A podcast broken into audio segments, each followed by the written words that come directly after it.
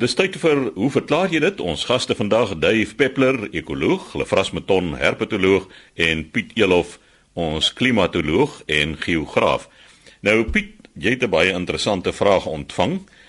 Die verskynsel van 'n wit reënboog, wat veroorsaak dit? Chris, ek het 'n brief ontvang van Japie Breed daar van Louis Trigard af en ek lees sy brief. Hy sê 'n ongewone wit reënboog het een vroeë aand voor my en my swaar Faitjie Lourens se gesigsveld verskyn. Ons het 'n vragmotor van 'n oostelike na 'n westelike rigting gery. Die maan was aan die opkom, seker reeds so halfuur. Op die stadium dat ons die reënboog opgemerk het, was die maan reg agter ons en dit was al klaar effe donker. Die reënboog was wit soos 'n soeklig, maar net effe dowwer en ons het dit aan mekaar bevestig. Ons kon ook nog sien dat waar die reënboog ontstaan het, dit liggies reën. Agterna by plaas het ek die werkers uitgevra of hulle al ooit so verskynsel gesien het, maar niemand het nie. Dit was vir ons iets raars. Ek sal graag die mening wil hoor wat presies kon hierdie soeklig tipe kleur aan die reënboog veroorsaak het en het jy al so iets vroeër gesien of van gehoor? Nou Japie eintlik bevat jou brief dit wat jy hier vir ons geskryf het eintlik al die elemente van dit wat so 'n wit reënboog veroorsaak. Jy sê dit was vroeg aand en jy het van 'n oostelike na 'n westelike rigting gery. Die maan was aan die opkom, met ander woorde hy was redelik laag bo kan die horison. Dit was reeds uh, redelik donker en uh, waar die reënboog ontstaan het, sê jy het dit liggies gereën. Met ander woorde, ek kan aanvaar dat dit waarskynlik klein reendruppeltjies was. Nou, die verskynsel word ook soms 'n misboog genoem. Dit kom gewoonlik voor in mistige toestande eerder as in reëntoestande. Maar ons moet aanvaar dat ook dikwels ons misreën kry dat die reendruppeltjies baie klein is en dat daar baie van hulle is met ander woorde die verstrooiing van die lig wat daarop val die word redelik eweredig gedoen en as ons kleurspektrum se golflengtes redelik eweredig versprei is dan is die kleur wat ons gewoonlik waarneem uh wit lig of witterige lig nou as die druppeltjies baie klein is soos in die geval van mis vermoed ek dat soos ek reeds gesê het al die kleure redelik eweredig versprei is. 'n Wit misboog word gesien net soos 'n reënboog. Met ander woorde, die waarnemer sal voor die lig wees, die son sal agter jou wees of die maan sal agter jou wees en ek vermoed dit is wat ook in julle geval gebeur het. Vir die maan bo, dis die wit reënboog om die beste waargeneem te word, moet die maan tydens of naby volmaan wees. Met ander woorde, daar moet 'n redelike skerp lig wees van die maan se kant af of weerkaatsing van die sonlig van die maan af. En dit is ook inderdaad so wat julle vir my opgemerk het. Omdat die lig nie baie donker is tydens volmaan nie, beteken dat die maanboog of die wit reënboog net gesien kan word plus minus 2 tot 3 uur voor sonsopkoms en ek vermoed daar's nie baie mense wat hierdie 2 tot 3 uur voor sonsopkoms almal dan nou reeds wakker is om dit waar te neem nie, maar waarskynlik meer mense wat dit sien 2 tot 3 uur na sonsondergang dan hoor waar die maan ook al redelik lig skyn op die reendruppeltjies of die misdruppels wat jy al gesien het.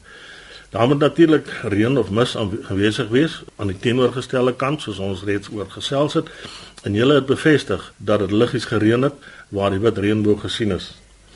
Die rare of skaarse kombinasie in vereistes maak maanbo of wit reënboog skaarser as wat reënboog is wat ons gewoonlik tydens daglig waarneem.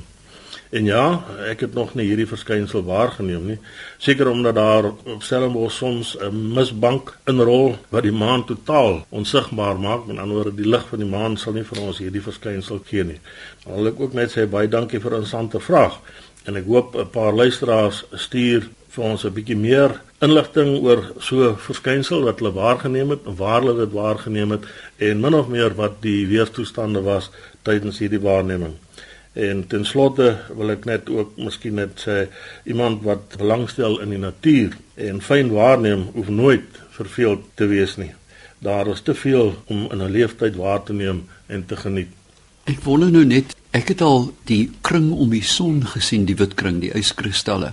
Kan dit ook inspel op verwarring dat die son net half sigbaar is, byvoorbeeld met 'n wolk of die horison en mense dit kan aansien vir 'n reënboog? Duif, ons het al by 'n vorige program gesels juis oor die sonkring of die kring om die maan. Waar uh, ons dan eintlik 'n perfekte ring of kring rondom die maan sien. En weer eens is die situasie daar dat daar gewoonlik wel amper sê baie dun vlieswolkies is en met ander woorde ook baie yskristalletjies wat dan nou daardie lig van die son of die maan weerkaats en verstrooi wat dan vir ons hierdie ring om die maan verskynsel dan gee. Ek dink in hierdie geval as hulle praat van 'n wit reënboog, dan is dit nie die volledige sirkel wat hier waargeneem is nie. Piet, ek het altyd gehoor as daar so 'n kring om die maan is, dan gaan die wind die volgende dag waai. Hulle vra as ek dink uh, dit gebeur van tyd tot tyd, maar gewoonlik, jy weet as ek nou neem wat die situasie hier by ons in die in die Wes-Kaap is voordat die koue fronte ons nader, sien ons omtrent so 1000 km voor daai front sien ons die cirruswolke, hoë yswolkies en uh, ons weet dat gewoonlik 'n dag of twee daarna dan kan ons hier in die Weskaap redelik winderige toestande ervaar. En die man wat daardie onderarm aflewering afgestuur het is Lefras Meton en die antwoorde is verskaf deur Piet Eelhof, ons klimatoloog en geograaf. Lefras Meton, ons herpetoloog En Lefras, jy het 'n vraag ontvang. Die luisteraar wil weet hoekom wys perde hulle tande? Dankie, Chris. Voor ons by daardie baie interessante vraag kom, wil ek net so 'n paar weke terug gaan het ons gesels oor kliere by bosbok en by uh, kudu en die van die bosbok was baie groter as die van die kudu en ons het toe gesê dit is heel waarskynlik te doen met uh, hoeveelheid ektoparasiete, bosluise dan veral. En ek het toe nou terugvoering gekry van Konrad en Sonja Matthee wat saamstem met ons afleiding. En hulle het vir my daarop gewys dat by die Nyala wat baie naverwant is aan die bosbok hierdie bok word in die algemeen beskou as bosluis taksies en hulle dink dat die bosbok is nie ver agter wat aantal bosluise betref nie. En dan het hy ook vir my 'n interessante stukkie inligting gestuur dat die bosbok hou nie van voëls wat insekte en goede van hulle afpik nie so hulle het 'n aansienlike bosluislading en dat dit dalk heel waarskynlik dan die rede is hoekom die limfknope of knoppe of kliere soveel groter is by die bosbok as by die kudu maar om terug te kom na die glimlaggende plaasdiere ek het 'n navraag gekry van Truda Botha. Ongelukkig weet ek nie waar sy woon nie. Dit is 'n redelike lang brief, so ek kort dit net sommer af na twee sinnetjies. Sy wil weet hoekom sommige plaasdiere af en toe hulle booloop terugkrul. Sy weet dit het iets te doen met dat die manlike en vroulike diere mekaar ruik en dan in hakkies het sy geskryf feromone, maar hoekom hierdie reinslag? Dit is alles waar wat sy sê, dit gaan oor chemiese kommunikasie by diere en hulle ruik mekaar via feromone en mense sal nou dink ja, die mannetjie diere glimlag. Hulle is opgewonde, maar die rede is bietjie anderste. By baie van ons landwerweldiere en dit sluit dan baie van die hoefdiere in en ook van die katfamilie en ons het redelik onlangs ook gesels by reptiele, slange By hierdie diere kry ons 'n sogenaamde orgaan van Jacobsen wat in die verhemelte geleë is, eintlik in die neusholte of tussen die neusholte en die verhemelte en by hierdie plaasdiere of nie net plaasdiere, hierdie diere wat ek genoem het, is hierdie deel gespesialiseer om spesifieke feromone te identifiseer en daarop te reageer. En dit sit in die mondholte. Daar's so 'n buisie wat van die orgaan van Jacobsen in die mondholte open net agter die boonste voortande. En dit is die rede hoekom hulle hulle lippe terugtrek want die lug moet nou ingaan tussen die tande deur en in daardie buisie ingeforseer word en dan in tot by die orgaan van Jacobsen waar dit die inligting, die chemiese inligting ontleed word en daarvan af word dit natuurlik na die brein gestuur via die senuwees en dan is daar nou die nodige reaksie. En dit is nie wel die hooffunksie is sekerlik te doen met voortplanting. Die manlike diere moet weet wanneer die vroulike individu gereed is om te paar, anders is dit 'n soort van 'n tydmors as dit op verkeerde tyd sou gebeur. Maar dit is nie beperk tot manlike individue nie. As mens mooi daar gaan kyk, veral onder die bokke en wel ook by perde en al die ander diere is dit ook die vroulike individue wat hierdie boelop so 'n reinslag terugtrek van tyd tot tyd en behalwe vir voortplanting toestand wat die inligting oorgedra word is daar ook kommunikasie tussen individue van dieselfde geslag veral dan spesifiek die vroulike individue. Daar's 'n redelike werk gedoen by die swart witpens bokke en hulle het gevind dat die vroulike individue vertoon hierdie flemmen gedrag baie gereeld en as gevolg daarvan sinkroniseer die verskillende koeie ne wanneer hulle kleintjies gebore word en ook wanneer paring gaan plaasvind want daar is baie voordele in so 'n trop swart wit pense as die kleintjies op dieselfde tyd gebore word. Mens kan sommer dadelik dink dat daar is 'n verdunningsaksie in terme van predatore, dink nou maar aan leeu's, as daar net een kleintjie sou wees wat baie jonger as die ander sou wees, dan was dit 'n baie maklike teken en maar as almal op dieselfde ouderdom is, dan is die kans van 'n enkele koei se kind seker redelik goed om te oorleef en laat dit 'n ander koei se kind is wat gevang word. En natuurlik as al die koeie in die trop dan nou gesamentlik hierdie soort van 'n aggressie het omdat hulle kleintjies het, dan dink ek kan hulle ook seker 'n leeu iets probeer om die leeu af te skrik. So dit speel daar 'n rol en dan ook by die self jong diertjies kan ook al hierdie gedrag toon. Ek dink 'n klein olifantjie, 6 weke oud, daardie orgaan van Jacobsen is al volledig ontwikkel soos by 'n volwasse dier. So self jong diertjies sou dan, ek weet nou nie of ek al 'n olifant gesien het sy lippe terug trek nie, maar algeval hulle het ook 'n goed ontwikkelde orgaan van Jacobsen. En wat interessant is by die olifant, op die punt van sy snoet het hy 'n baie beweeglike deeltjie of punt, mens kan amper sê 'n vingertjie wat dan gebruik word om net soos by akkedisse en slange die inligting oor te dra. Hy druk die slurp in sy mond en druk daardie skerp puntjie in die orgaan van Jacobsen. Weet julle vras ek het 'n lewenslange belangstelling in menslike kommunikasie in terme van reeksintuiglike. Nou ons weet dat uh, pasgebore babas byvoorbeeld vir die eerste 3 dae die ma se tepel net op reuk. Hulle kan nie sien nie of hulle kan nie goed sien nie. Dis uitsluitlik op reuk nou so van jong diertjies gepraat.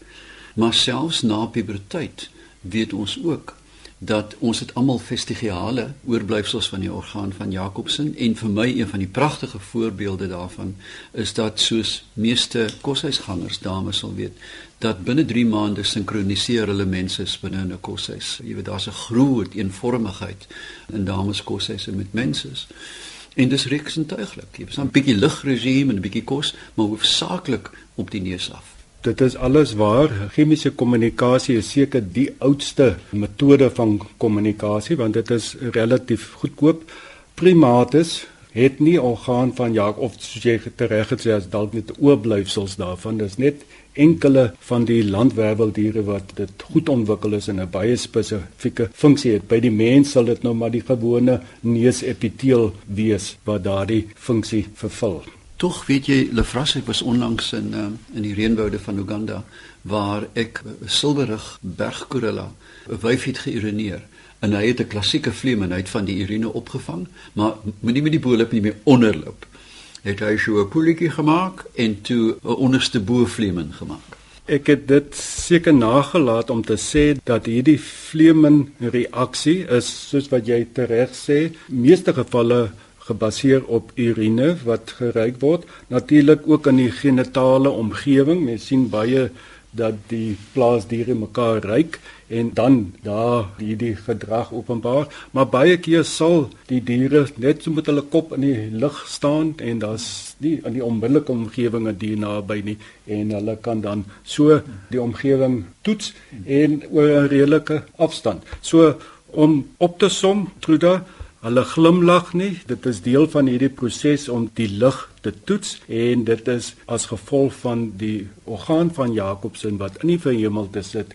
en so die boelop word gelig om dit moontlik te maak vir die lig om dan in te gaan. By die meeste diere wat hierdie gedrag dan vertoon word die neusgate toegehou gedurende hierdie proses en die lig gaan deur die mond in.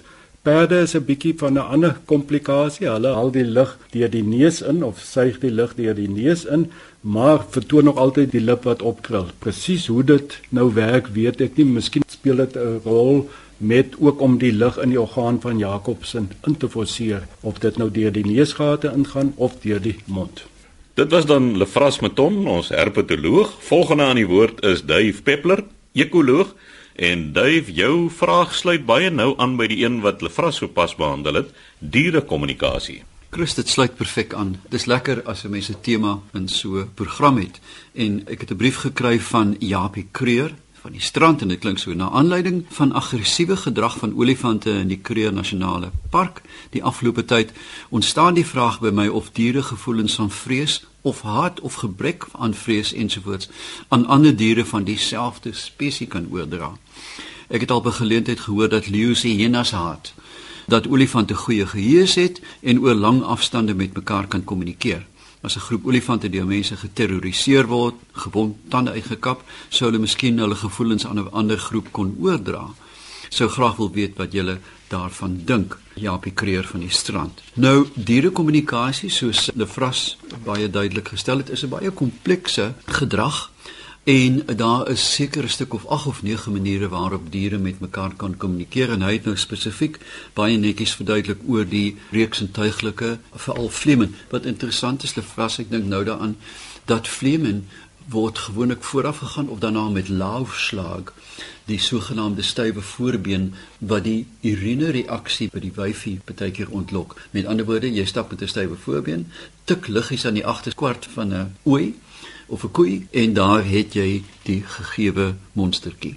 Maar ja, kom ons uh, vergeet nou van laafslaak en van vlemen en ons kyk 'n bietjie na ander maniere van kommunikeer.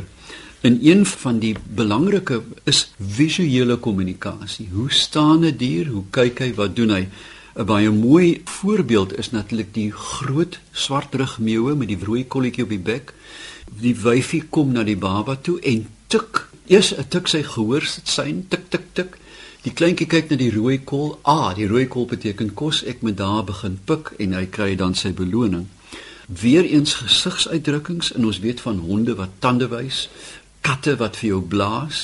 Dit stuur 'n baie baie sterk sein en dit is gestereotipeerde gedrag. Met ander woorde, ons kan dit op 'n foto kan jy die vier of vyf skakerings van honde en katte kommunikasie kan jy baie maklik uitpleis.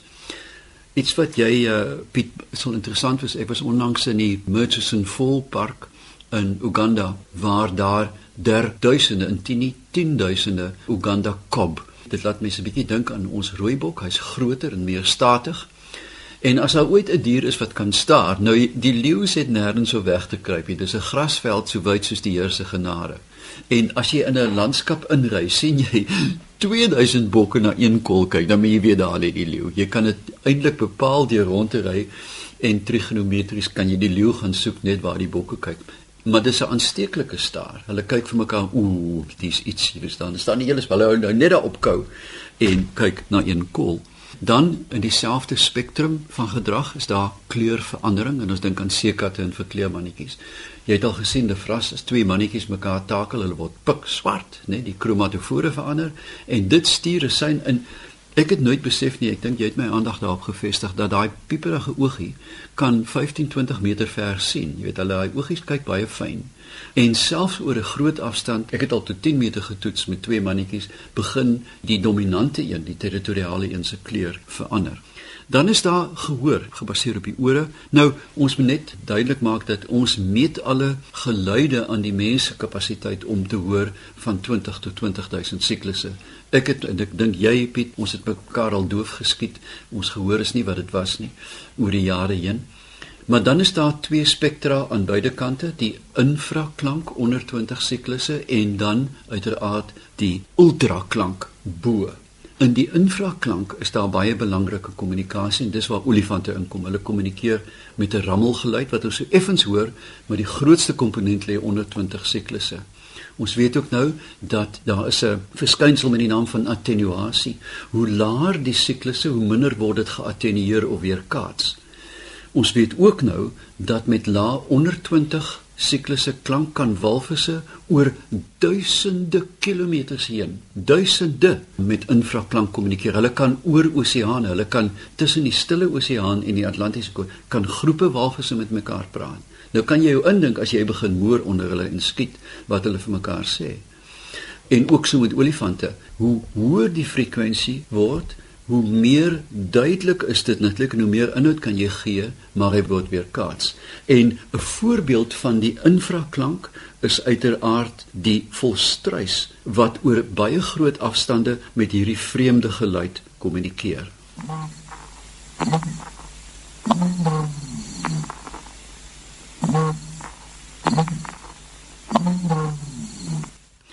As 'n mens dan kyk na ander voeltjies byvoorbeeld wat in die kroondak sou rondbeweeg en ons kyk byvoorbeeld na 'n meeloogie wat op kort afstand met mekaar praat, dadelik soos byvoorbeeld met die gewone ou meeloogie klink hy so.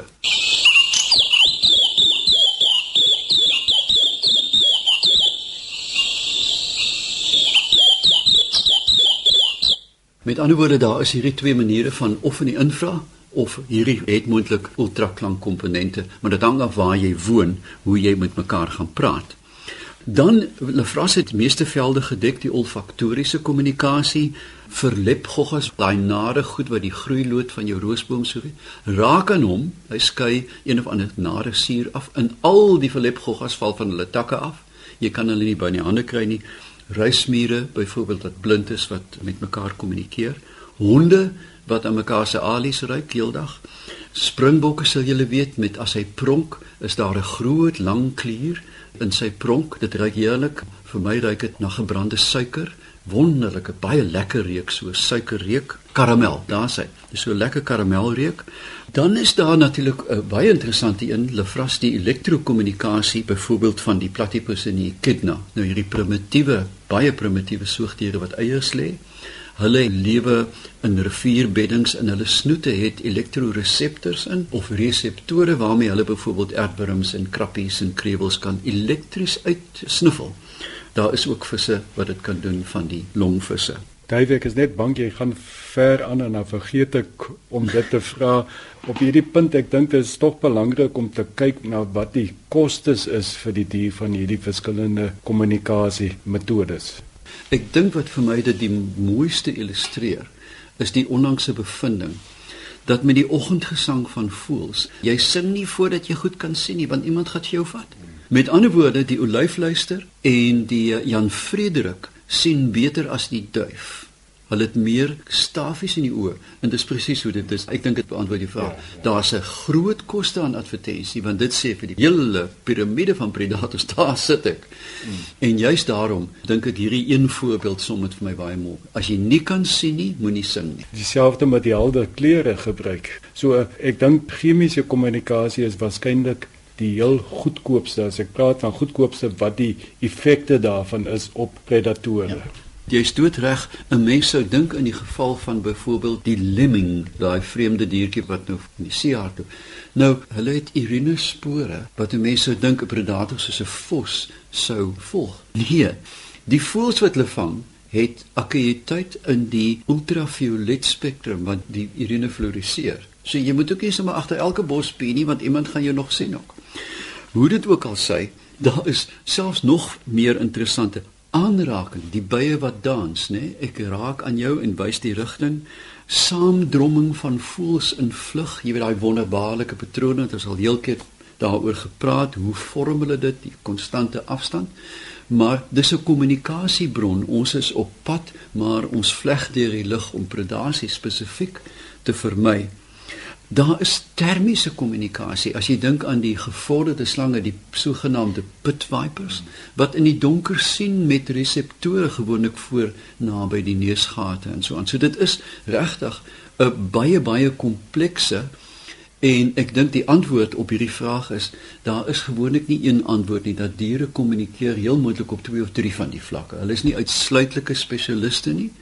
Maar die Vader weet alleen, dankie vir 'n vraag wat my gedwing het om soveel antwoorde na te spoor. Dave, jy het nou veral gepraat oor intraspesiese kommunikasie. Met ander woorde, kommunikasie tussen individue van dieselfde spesies, maar daar's natuurlik kommunikasie veral tussen predatore en prooi. Daar word syne vir mekaar gestuur. Hey, ek is vinnig, ek is gesond. Jy hoef nie vir my probeer vang nie. Ja. Miskien wil jy iets daaroor. Ja, doodreg Lefras, as 'n mens dink aan die vorming van oogvlekke op prooidiere, die rispe met die groot oë, die mot met die groot oë wat heel moontlike uil naboots. Hy sê kom probeer. Jy weet ek gaan jou seermaak alhoewel hy heeltemal 'n smaaklike happie is. En die ander een wat jy nou vir my laat dink het aan is die primate as 'n mens dink in terme van die blou aap. Dit het my verstom. Ek was nou eendag in Ethiopië en ek het gaan spesifiek gaan kyk na die gelada wat 'n aap is, soos jy weet nie 'n bobbejaan nie. Hy lyk soos 'n bobbejaan. Gedra ook soos 'n bobbejaan, maar hy's eintlik 'n aap. Dat beide die gelada en die blou aap het die mees gevorderde vokale repertorium van alle primate op aarde. Baie meer as die sjimpansees. Die gebruik van sjimpansees van boomstompe om te drom. Ek is op pad, né, nee, vir die buurman interspesifieke. Hmm. Maar jy's doodreg. 'n Pragtige voorbeeld is die vlermuis in die mot. Die mot vlieg, hy het reseptore wat spesifiek op die frekwensie van sy predator vlermuis in is en dan stuur hy radar teen syne uit en sê vir hom: "Probeer my eet, ek gaan vir jou blokkeer." Eindelik baie van hierdie gedragspatrone is onder die radar. 'n Mens moet eintlik 'n bietjie jou neus moet skerp wees, jou ore en jou oë en dan skielik besef 'n mens dat daar gedurig tussen organismes gepraat word. Dave net uh, iets waarna ek gedink het toe jy vroeër gepraat het van katte wat blaas en sis en die woonbuurt waar ons is daar 'n klein parkie in uh, vir die eerste keer in my lewe het ek gehoor hoe dat 'n dikkoppie kan blaas in raas. Daar's 'n nes met twee eiertjies in en wanneer jy die nes nader, dan gee die wyfie of die mannetjie wat dan op daai tydstip op die nes is pad. Maar dit lyk vir my hoe nader dit kom aan die tyd wat daai kykentjies moet uitbroei, hoe meer aggressief raak hulle, gooi hulle vlerkies wyd oop en sis werklik soos 'n slang. Nooi my asseblief, ek wil dit baie graag hoor. Ek het dit nog nooit gehoor nie die vraag wat jy gelees het, het die persoon gevra of olifante nou vir mekaar kan sê kan hulle werklik ervarings sê met die mens nou oordra aan hulle groeplede? D dit is 'n baie moeilike vraag. Dit is altyd die vraag wat uitloop het diere emosie. Ons weet nie, want hulle kan nie dit vir ons sê nie, maar ons kan afleidings maak en ek sou wou sê dat gevorderde diere wel emosionele inhoud kan oordra. En so gesels Dave Peppler, ons ekoloog. U's welkom om te skryf aan Hoe verklaar jy dit? Posbus 2551 Kaapstad 8000 of 'n e-pos te stuur aan chris@rsg.co.za.